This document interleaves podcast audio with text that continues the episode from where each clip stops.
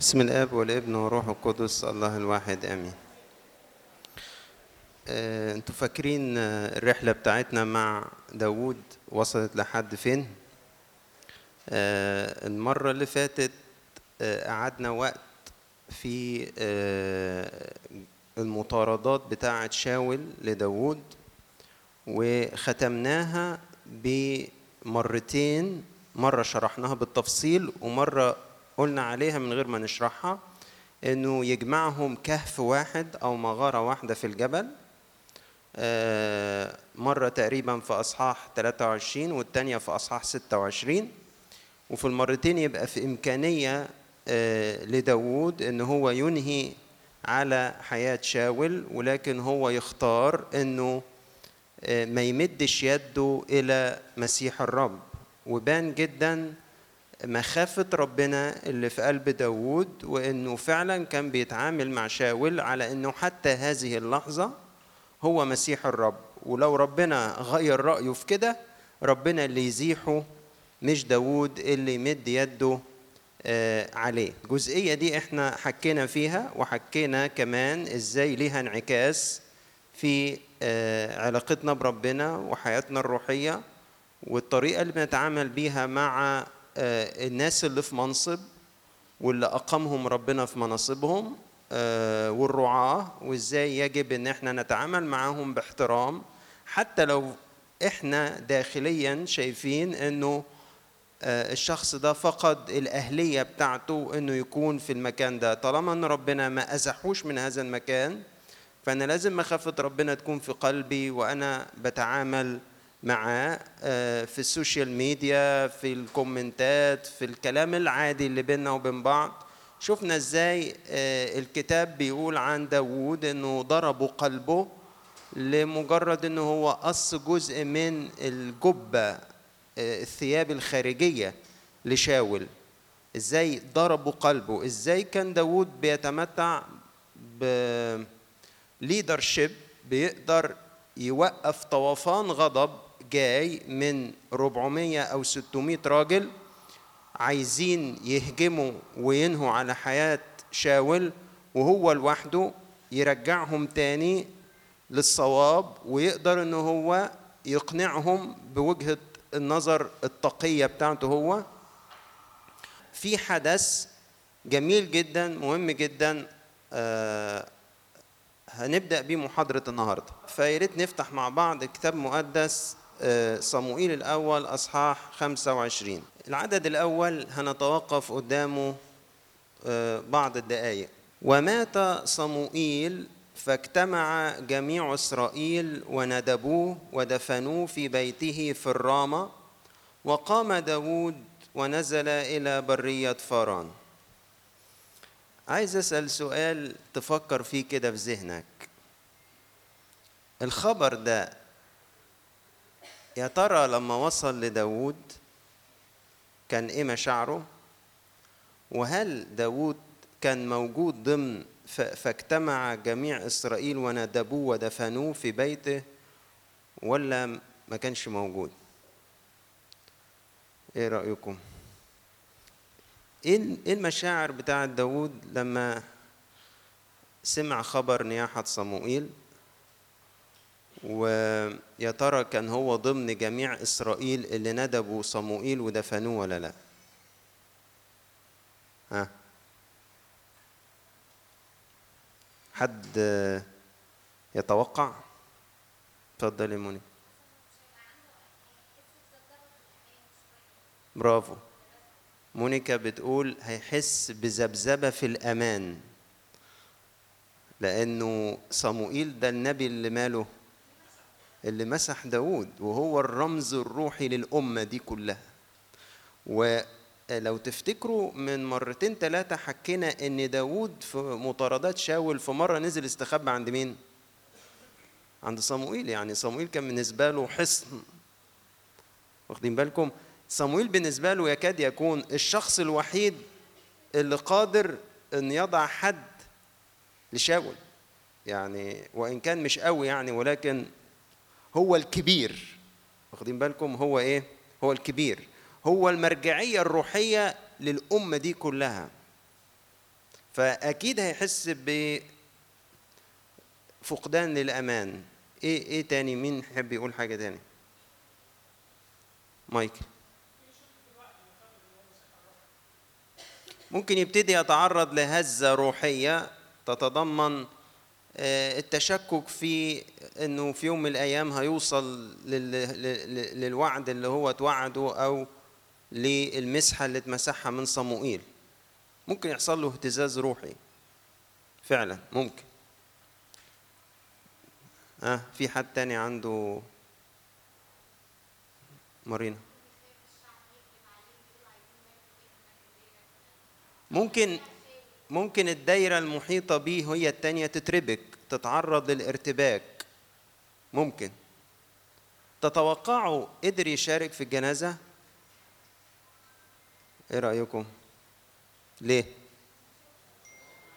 لأن دي تمثل خطورة رهيبة على حياته. آه عارفين مشاعر شخص ما يقدرش يشارك في جنازة أبوه؟ دي ممكن يبقى شكلها إزاي؟ صعبة جدا جدا. داود في محنة.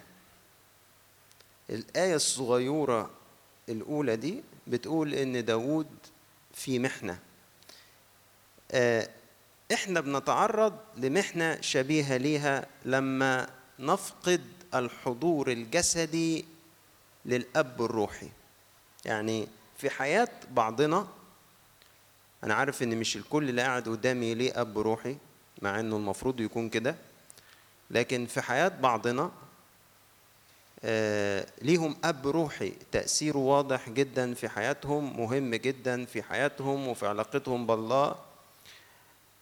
هذا الأب الروحي ممكن حضوره يغيب لأسباب مختلفة. ممكن السفر يغيبه. ممكن الموت يغيبه. ممكن المرض يغيبه.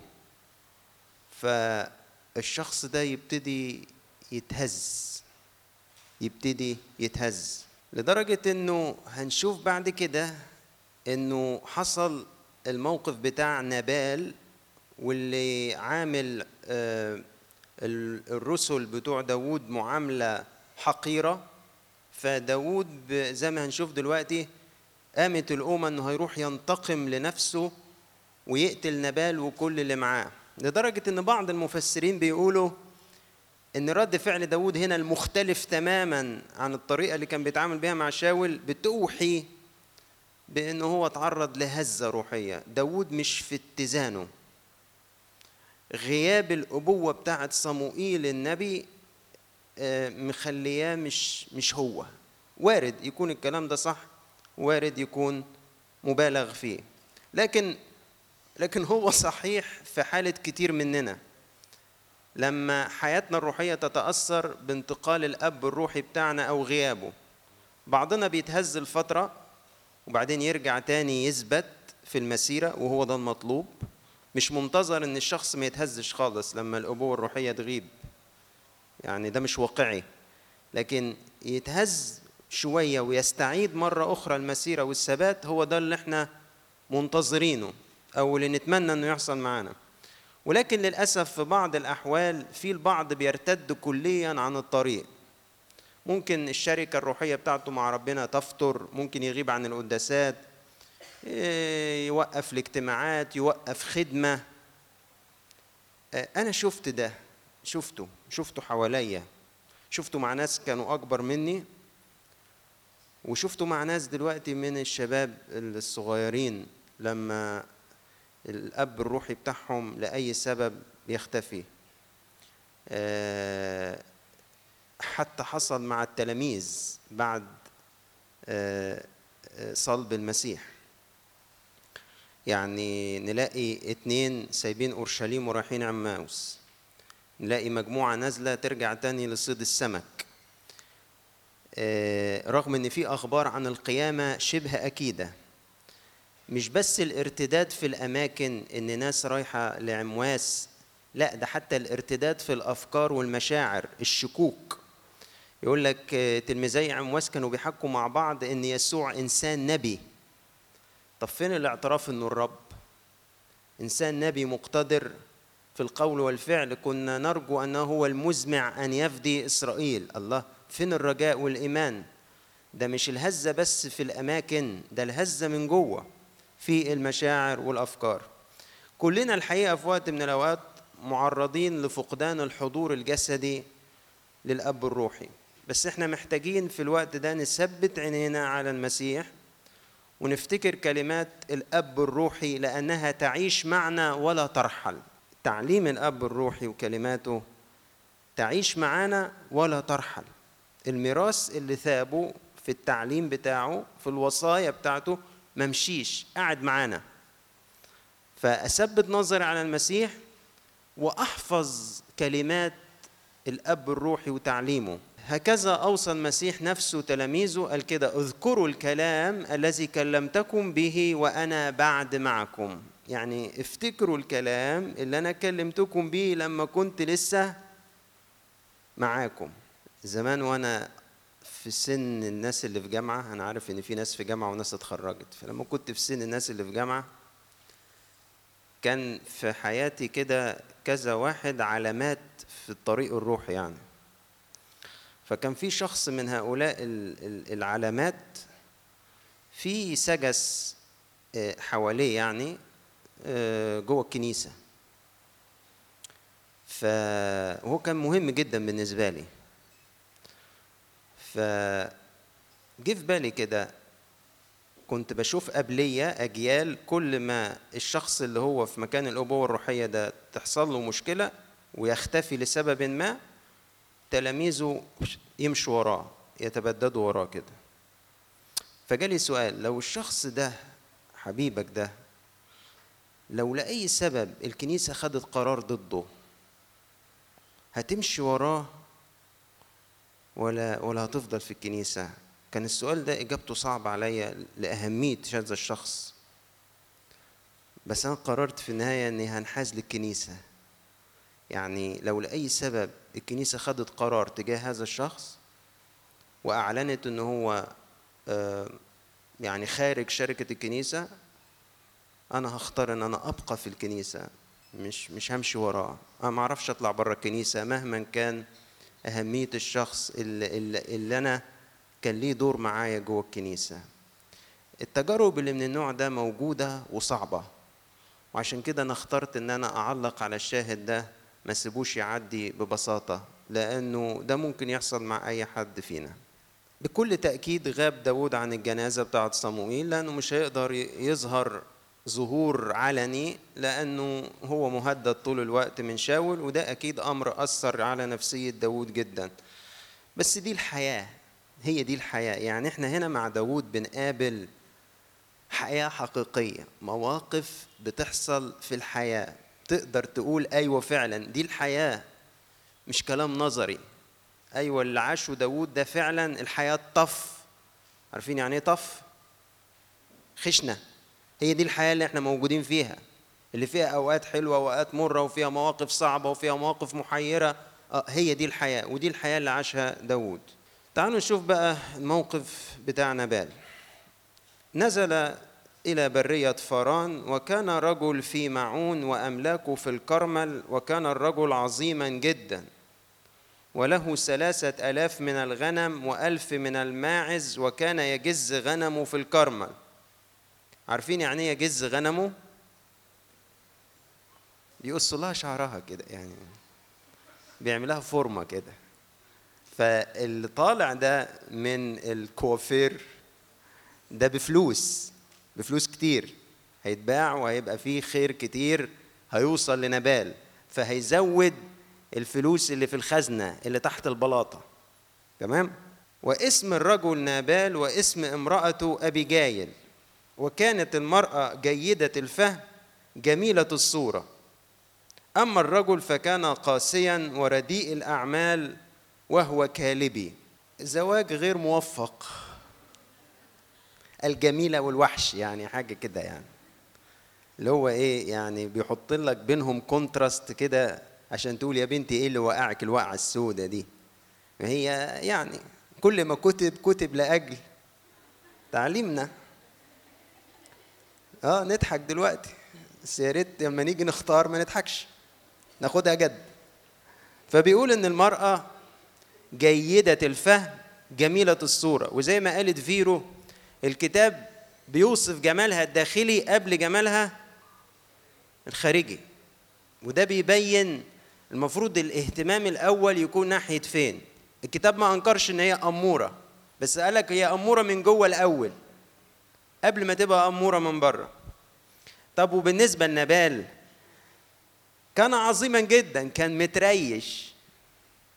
ما هو من شوية قال كان عظيما جدا عنده من الغنم قد كده هو عنده عنده بس لما جه بقى لشخص نبال كان قاسيا وده هيبان في الردود ال decent اللي هو هيردها بعد شوية. ورديء الأعمال وهو كالبي دي تحتمل معنى من اتنين. بحسب العبري كأن بينسبه لقبيلة كالب ابن يفنة كالب ده كان شخص رائع جدا وكان رجل إيمان ورجل يعني معاه روح أخرى. فلو نبال يقرب لكالب يا خسارة يعني مفيش أي علاقة بينهم وبين بعض. لك أنت ابن فلان. ده لا لا ده كده يعني. يا إما بقى بحسب السبعينية وهو يعني شبيه بالكلب. يعني جاية في السبعينية إنه يعني إنجاز التعبير ضايع يعني. فسمع داود في البرية أن نبال يجز غنمه فأرسل داود عشرة غلمان وقال داود للغلمان اصعدوا إلى الكرمل وادخلوا إلى نبال واسألوا باسمي عن سلامته وقولوا هكذا حييت وأنت سالم وبيتك سالم وكل ما لك سالم. والآن قد سمعت أن عندك جزازين حين كان رعاتك معنا لم تؤذي لم نؤذهم ولم يفقد لهم شيء كل الأيام التي كانوا فيها في الكرمل. إيه معنى الكلام ده؟ داود يا جماعة معاه كم محارب؟ 600 ومعاهم عائلتهم. الراجل ده مسؤول الناس دي تاكل كل يوم هي وعيالها. فبدأوا يمارسوا نوع كان موجود في ثقافة تلك الأيام اللي هو إحنا ماسكين المنطقة دي فمثلا دول رعاة هناخد بالنا منهم محدش يهجم عليهم من قطاع الطرق و و مقابل إن هم يدونا حاجة يعني. ما هيعيشوا إزاي؟ فهو بيقول له إحنا لما كانوا رعاتك عندنا كل الأيام إحنا ما أذنهمش خالص ما تهجمناش عليهم ما خدناش أي حاجة منهم بالعكس إحنا كنا بنحميهم. بيفكروا. اسأل غلمانك فيخبرونك. يعني اسألهم هم يأكدوا لك الكلام. فليجد الغلمان نعمة في عينيك لأننا قد جئنا في يوم طيب. ده يوم جز الغنم ده عامل زي أيام الحصاد كده عند الفلاحين. يوم خير. وبيعملوا فيه احتفال وبيعمل وليمة وبيأكل ويشرب الناس الفقراء. مناسبة اجتماعية ليها آه، ملامح الكرم. ملامح إيه؟ الكرم في العطاء. فاعط ما وجدته يدك لعبيدك ولابنك داود. الكلام لحد دلوقتي كلام ماله مهذب جدا منطقي جدا وحلو خالص. فجاء الغلمان وكلموا نبال حسب كل ما هذا الكلام باسم داود وكفوا. قالوا الكلمتين دول واستنوا ال reply بتاع ال message يشوف إيه؟ بس هم ما شافوش ال message مكتوبة شافوها يعني في الوش كده فأجاب نبال عبيد داود وقال مين داود ده؟ مين داود؟ هو ما يعرفش داود؟ شوفوا الجملة اللي بعديها هتفهمكم من هو ابن يسة؟ الله الله انت تابع الراجل التاني ولا إيه؟ إيه حكاية ابن يسة دي؟ دي بتاعت شاول من هو داود ومن هو ابن يسى يعني يعرفوا امال انت تقصد إيه من هو داود دي؟ يطلع مين داود ده؟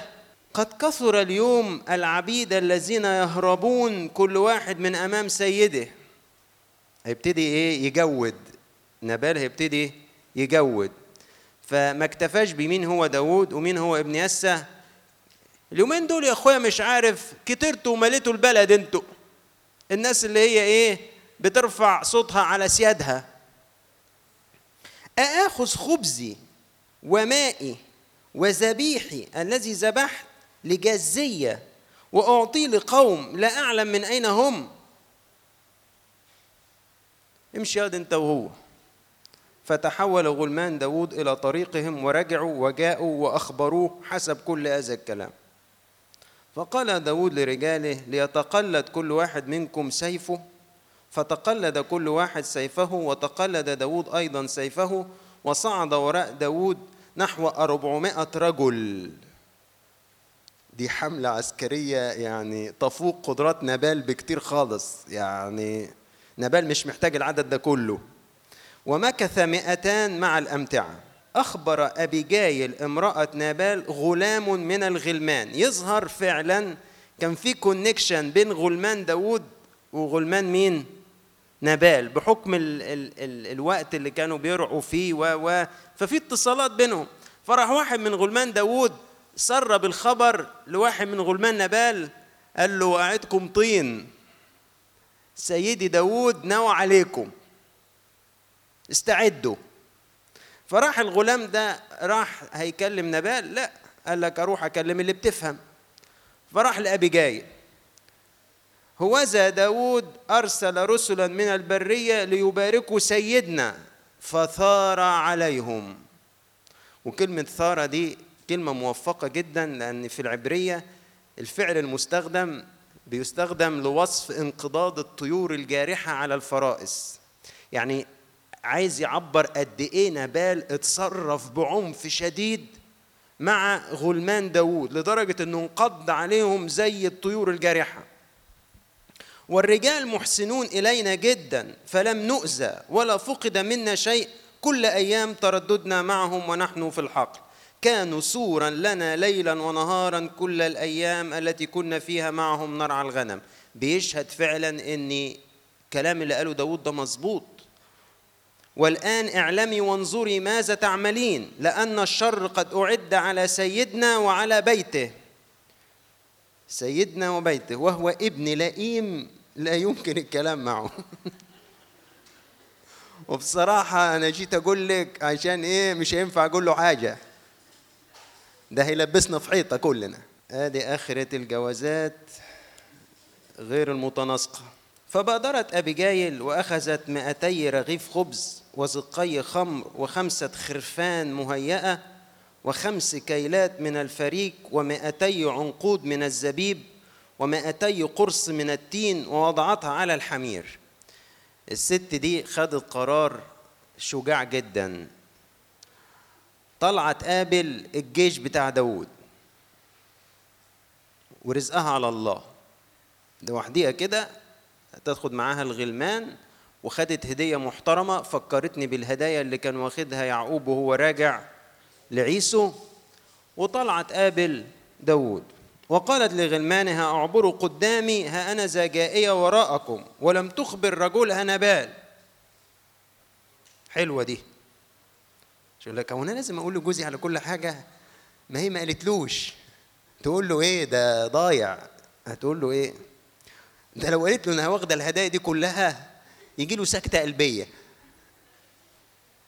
وفيما هي راكبة على الحمار ونازلة في سترة الجبل إذ بداود ورجاله منحدرون لاستقبالها فصادفتهم. وقال داود إنما باطلا حفظت كل ما لهذا حبش يجيب اسمه بقى ده قمة الغضب في البرية.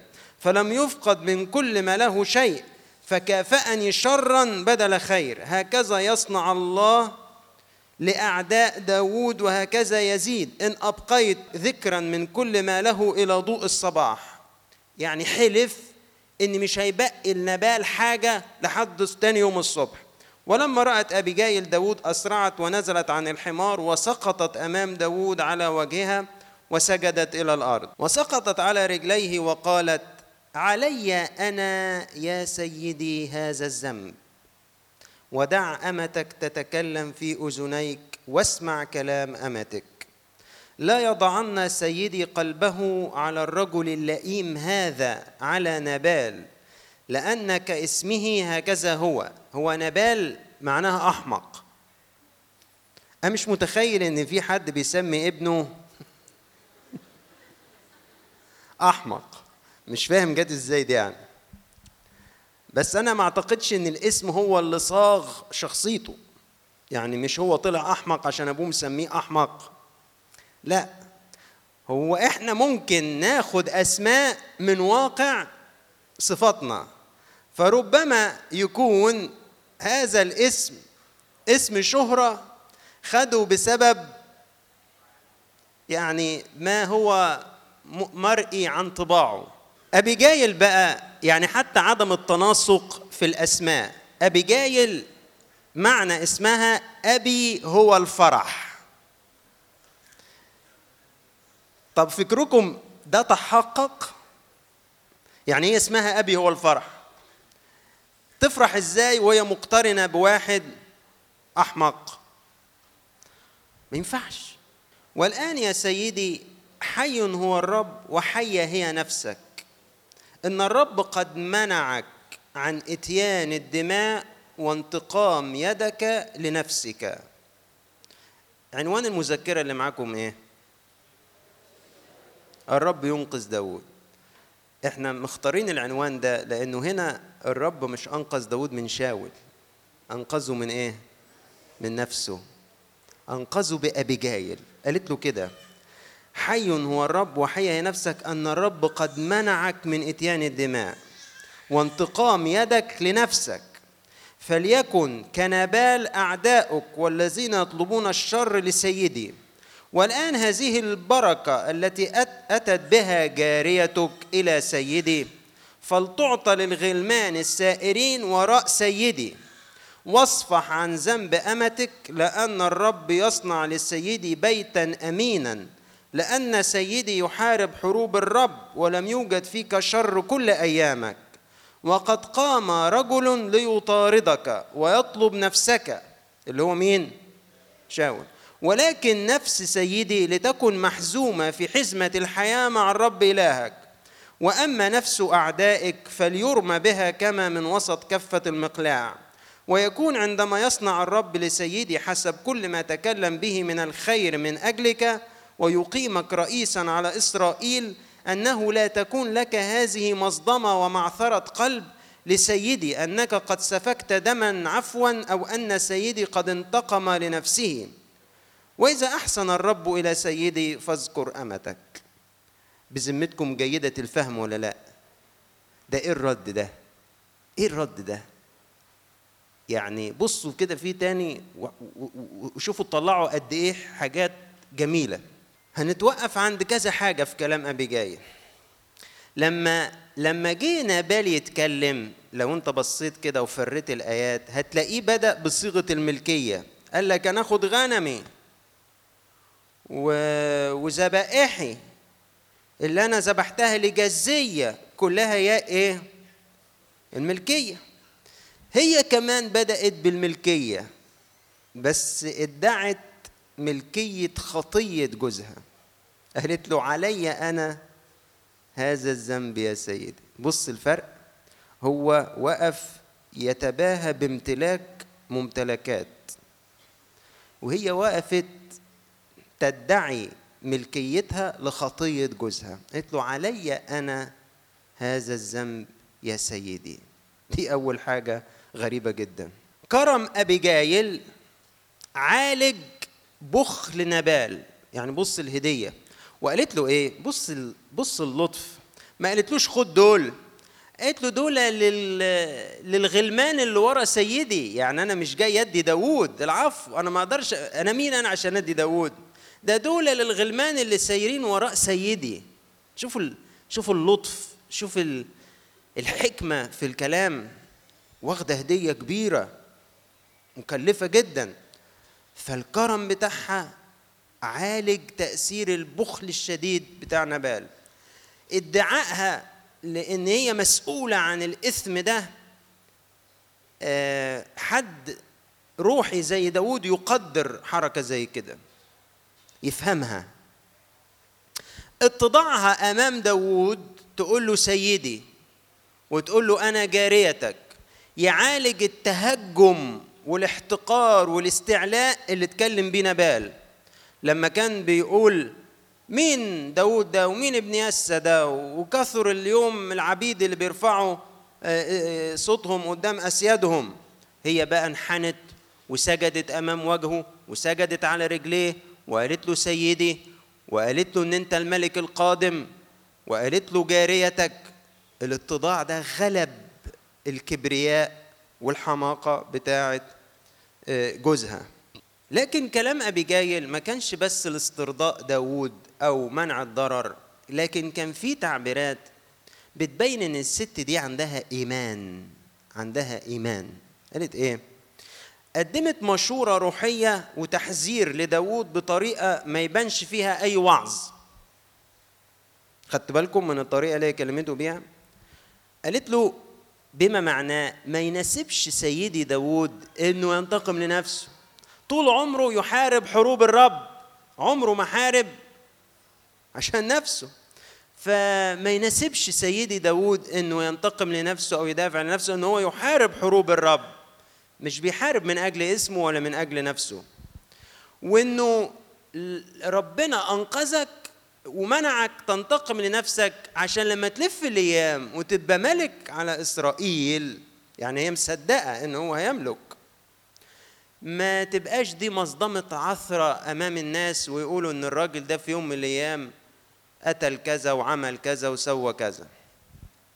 وشايفة أبي جايل إنه رئاسة داوود القادمة ده تحقيق لكلام الرب وإنه ده هيكون سرور وفرح ليها هي كمان. وعبرت بتعبير رائع جدا عن حماية ربنا لداود في أوقات الخطر.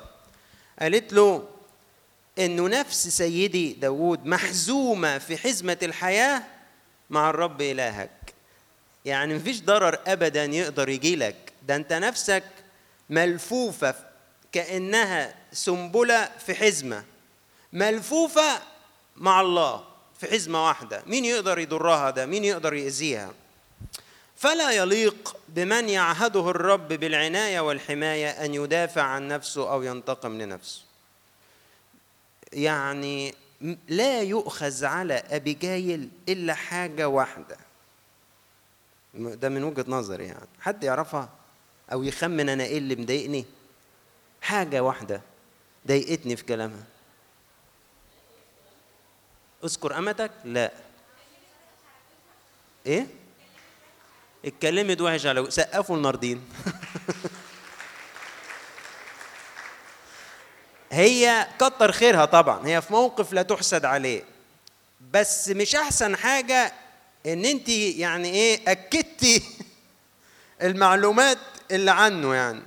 إنه أحمق كاسمه وانه إنه يعني باختصار بصراحة يعني هي أنقذت الموقف بس هي باعته يعني ما قدرتش تو كفر هو صعب إنه تكفر حاجة زي كده يعني هي كتر خيرها جدا جدا جدا.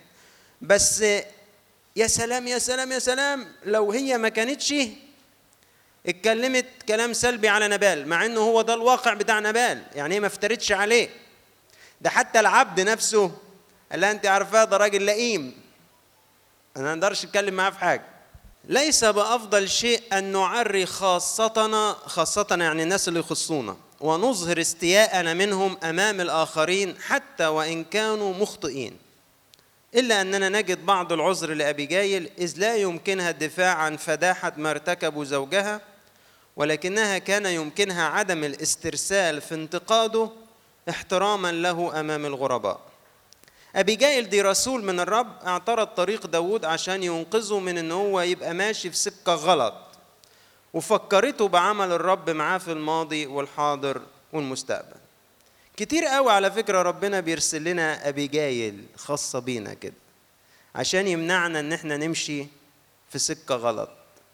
يبعت لنا أبيجايل تذكرنا بإحسانات ربنا معانا وبالطريقة اللي ربنا بيتعامل بيها معانا في الماضي والحاضر. وتفكرنا بمواعيده لينا في المستقبل. لو الواحد رجع بذاكرته هيفتكر إن في أكتر من موقف ربنا بعت له حد حكيم وجيد الفهم يرجعه عن السكة الغلط اللي هو كان ماشي فيها. وده اللي حصل إنه راح داود قال لها مبارك الرب إله إسرائيل الذي أرسلك هذا اليوم لاستقبالي. داود صحي. وأدرك الموقف وقال ده ربنا ده مبارك اللي بعتك. انت ما انت ما جيتيش من نفسك. ده هو اللي بعتك هذا اليوم. ومبارك عقلك. ومباركة أنت. داود جذبوا فهم أبيجايل قبل ما يجذبوا صورتها. يا ريت لما نيجي نتجوز ما يبقاش الشيء اللي هاممني قوي المظهر الخارجي. أنا لازم أقبله بس مش لازم يكون واو مش لازم يكون مبهر.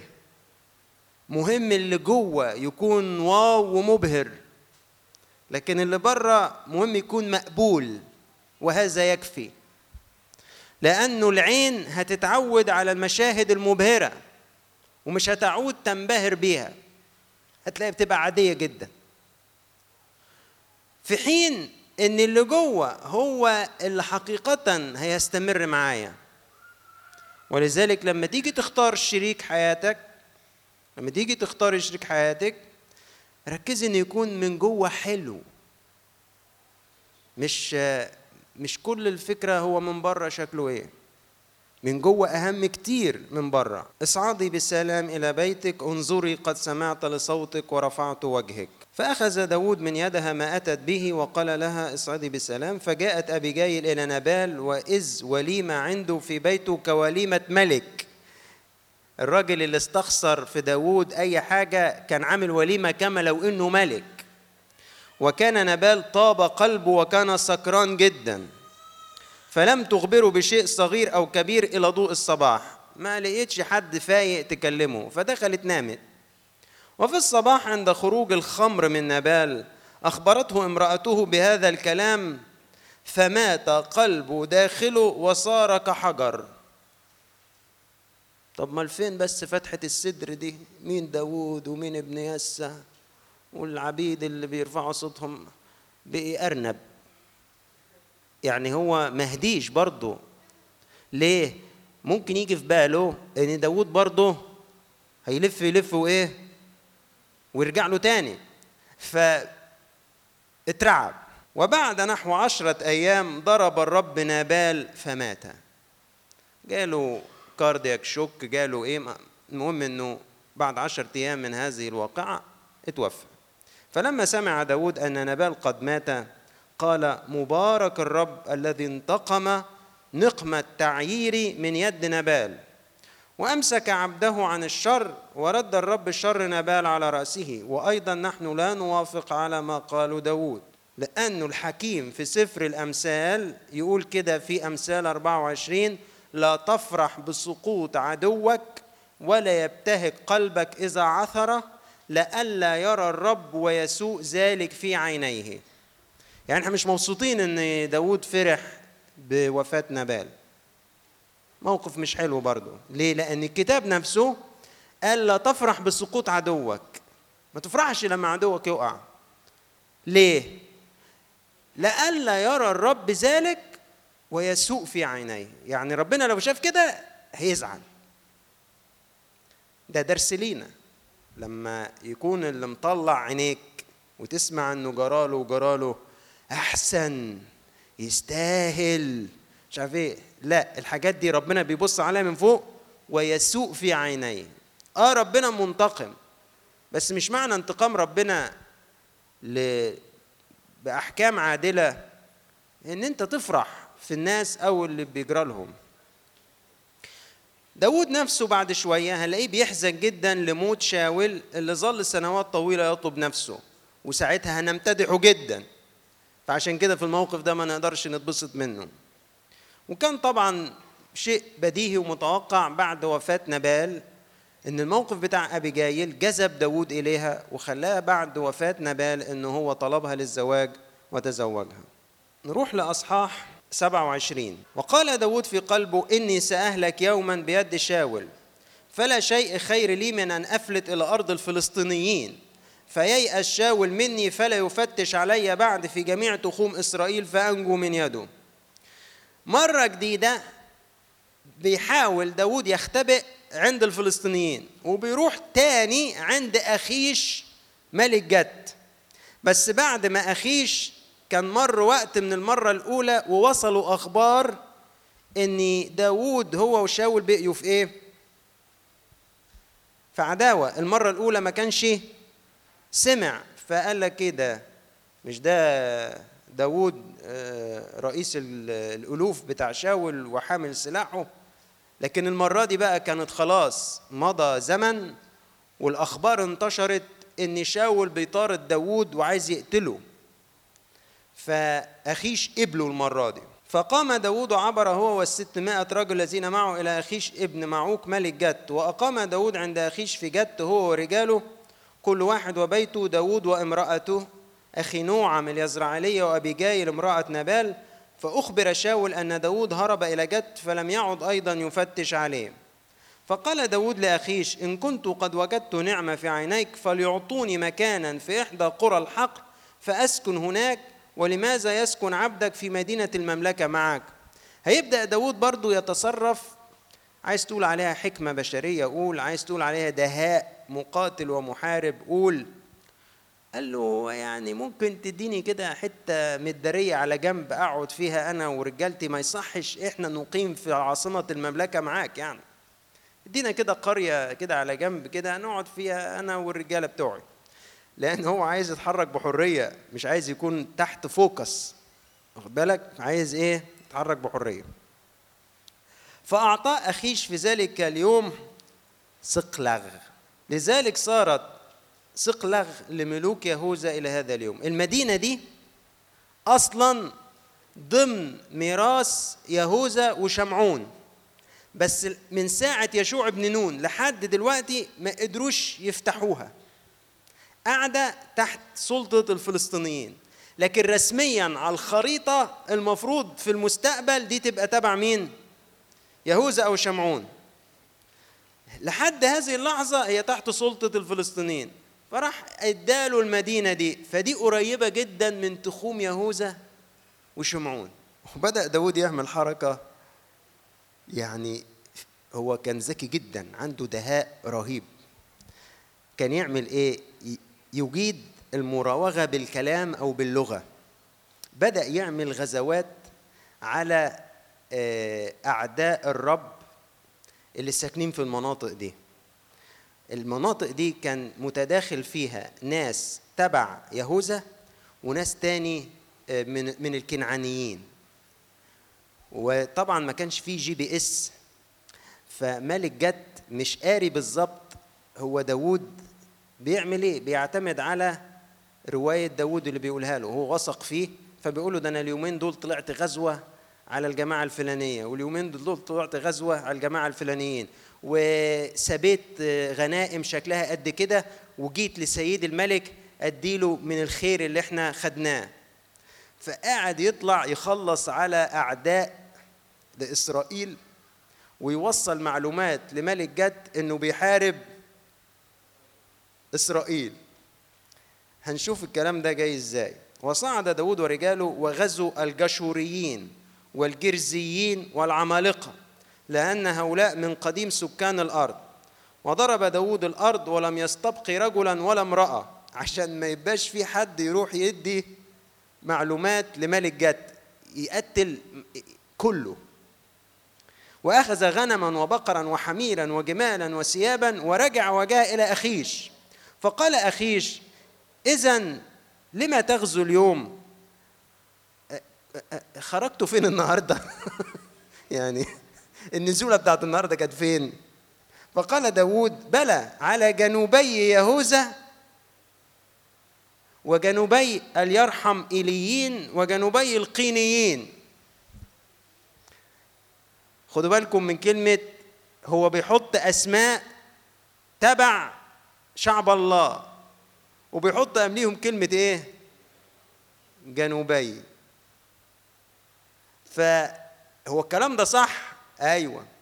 بس هيستقبل ملك جد الكلام إن هو غزا اليرحم إليين والقينيين و آه، جنوب يهوذا. وهو في الواقع ما غزاش الحتة دي غزا الحتت اللي هي إيه؟ جنوبها. فلم يستبق داود رجلا ولا امرأة حتى يأتي إلى جت إذ قال لئلا يخبروا عنا قائلين هكذا فعل داود. وهكذا عادته كل أيام إقامته في بلاد الفلسطينيين. ده نوع من الدهاء بتاع المقاتلين. هو ده يعني ما لهوش أي غبار لو إحنا بنتكلم عن شخص قائد عادي. يعني بالنسبة لداود بعض المفسرين بيأخذوه عليها وبيعتبروه إن هو ورط روحه لما راح سكن عند ملك جد وبقي يسلك بدهاء وبحيل وبلعب في الكلام وبكلام يتفهم كذا وهو مقصود بيه كذا وهكذا. فصدق أخيش داود قائلا قد صار مكروها لدى شعب إسرائيل. ده كده يعني عداوة رسمي ده بيطلع يحاربهم. فيكون لي عبدا إلى الأبد. بس دايما الكذب يورطك في إيه؟ في مشاكل. وكان في تلك الأيام ده أصحاح 28 أن الفلسطينيين جمعوا جيوشهم ليحاربوا إسرائيل. فقال أخيش لداود اعلم يقينا أنك ستخرج معي في الجيش أنت ورجالك. أب أب أب أب أب أب أب. حرب. وقال له المرة دي بقى إيه؟ ما فيهاش كلام. أنت ورجالتك هتطلعوا معانا. نطلع فين يا ريس؟ هنحارب إسرائيل. wow. برضو داود رد بدهاء شديد. فقال داود لأخيش لذلك أنت ستعلم ما يفعل عبدك. أيوة اللي هو إيه يعني؟ ما تفهمش. كل واحد هيفهمها بإيه؟ ستف... سترى ماذا سيفعل عبدك. فقال أخيش لداود لذلك أجعلك حارسا لرأسي كل الأيام. أخيش مستقبل الكلام إنه يعني إحنا هنطلع معاكم نخلص عليهم. ومات صموئيل وندبه كل إسرائيل ودفنوه في الرامة في مدينته وكان شاول قد نفى أصحاب الجان والتوابع من الأرض فاجتمع الفلسطينيون وجاءوا ونزلوا في شونم وجمع شاول جميع إسرائيل ونزل في جلبوع. ولما رأى شاول جيش الفلسطينيين خاف واضطرب قلبه جدا فسأل شاول من الرب فلم يجبه الرب لا بالأحلام ولا بالأوريم ولا بالأنبياء. إحنا دي علقنا عليها زمان لما قلنا قال للكاهن كف يدك وقلنا إنه هيدفع ثمنها غالي هيجي يسأل ربنا بعد كده وربنا إيه؟ مش هيرد عليه. زائد إنه أصلا كان قتل كل الكهنة في نوب وأبيثار الوحيد اللي اتبقى خد الأفود وراح لداوود. فأنت بتسأل الرب إزاي؟ تسأله إزاي؟